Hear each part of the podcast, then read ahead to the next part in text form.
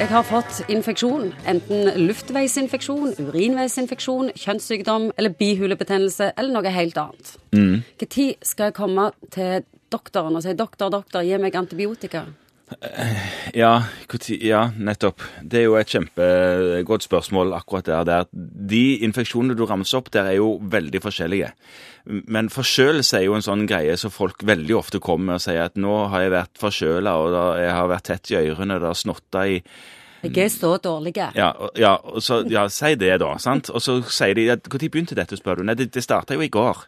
Og hvis det starta i går, så har du kommet for tidlig. Uansett.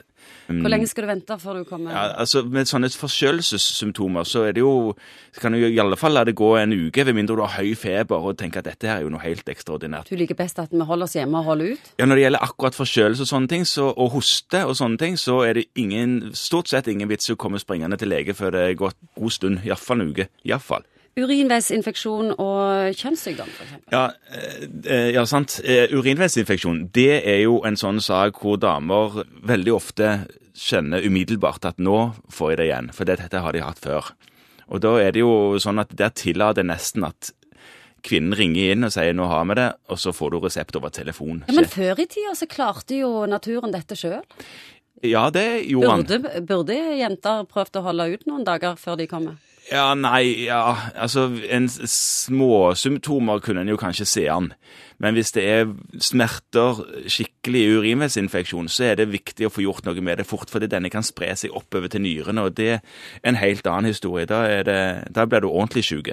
Og kjønnssykdommer, det er en helt egen kategori. Ja, det er en helt egen kategori, det, for det, det var litt spennende du sa, fordi man kommer ikke springende til lege og sier 'hjelp, hjelp, jeg har en kjønnsinfeksjon'.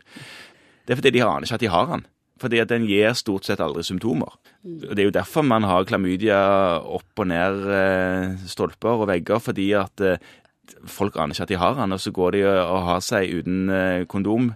Og da sprer de jo dette her griseriet videre. ikke sant? Så de kommer ikke med det. De kommer, og så tilfeldigvis har de symptomer, kanskje. Og da tar vi en klamydiatest. Kan ikke disse kjønnssykdommene bare få florere hvis ikke vi kjenner at vi har dem? Kan du godt si. Kan du godt si. Vi har, eh, vi har jo mange andre mikroorganismer som koloniserer oss eh, uten at vi bryr oss om det. Sant? Det er jo kilovis med bakterier i mage-tarm-kanalen vår.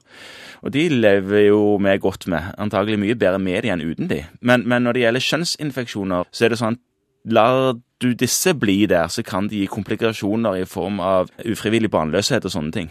Jeg har lest at 25 000 europeere og 25 000 amerikanere dør hvert år som følge av antibiotikaresistens. Hva forteller det deg?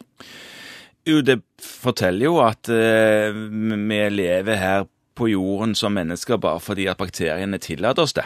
Vi har noen eh, stoffer som vi vet dreper de mest kjente bakterietypene, og, og utover eh, det så er det mye som bakteriene har som vi ikke kan hanskes med.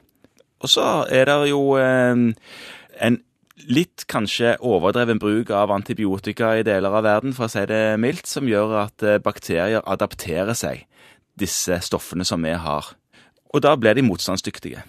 Hva kan vi som hver enkeltperson gjøre for å motarbeide dette? Eh, ja, det er jo å bli mer eh, tilbakeholden med antibiotikabruk sjøl.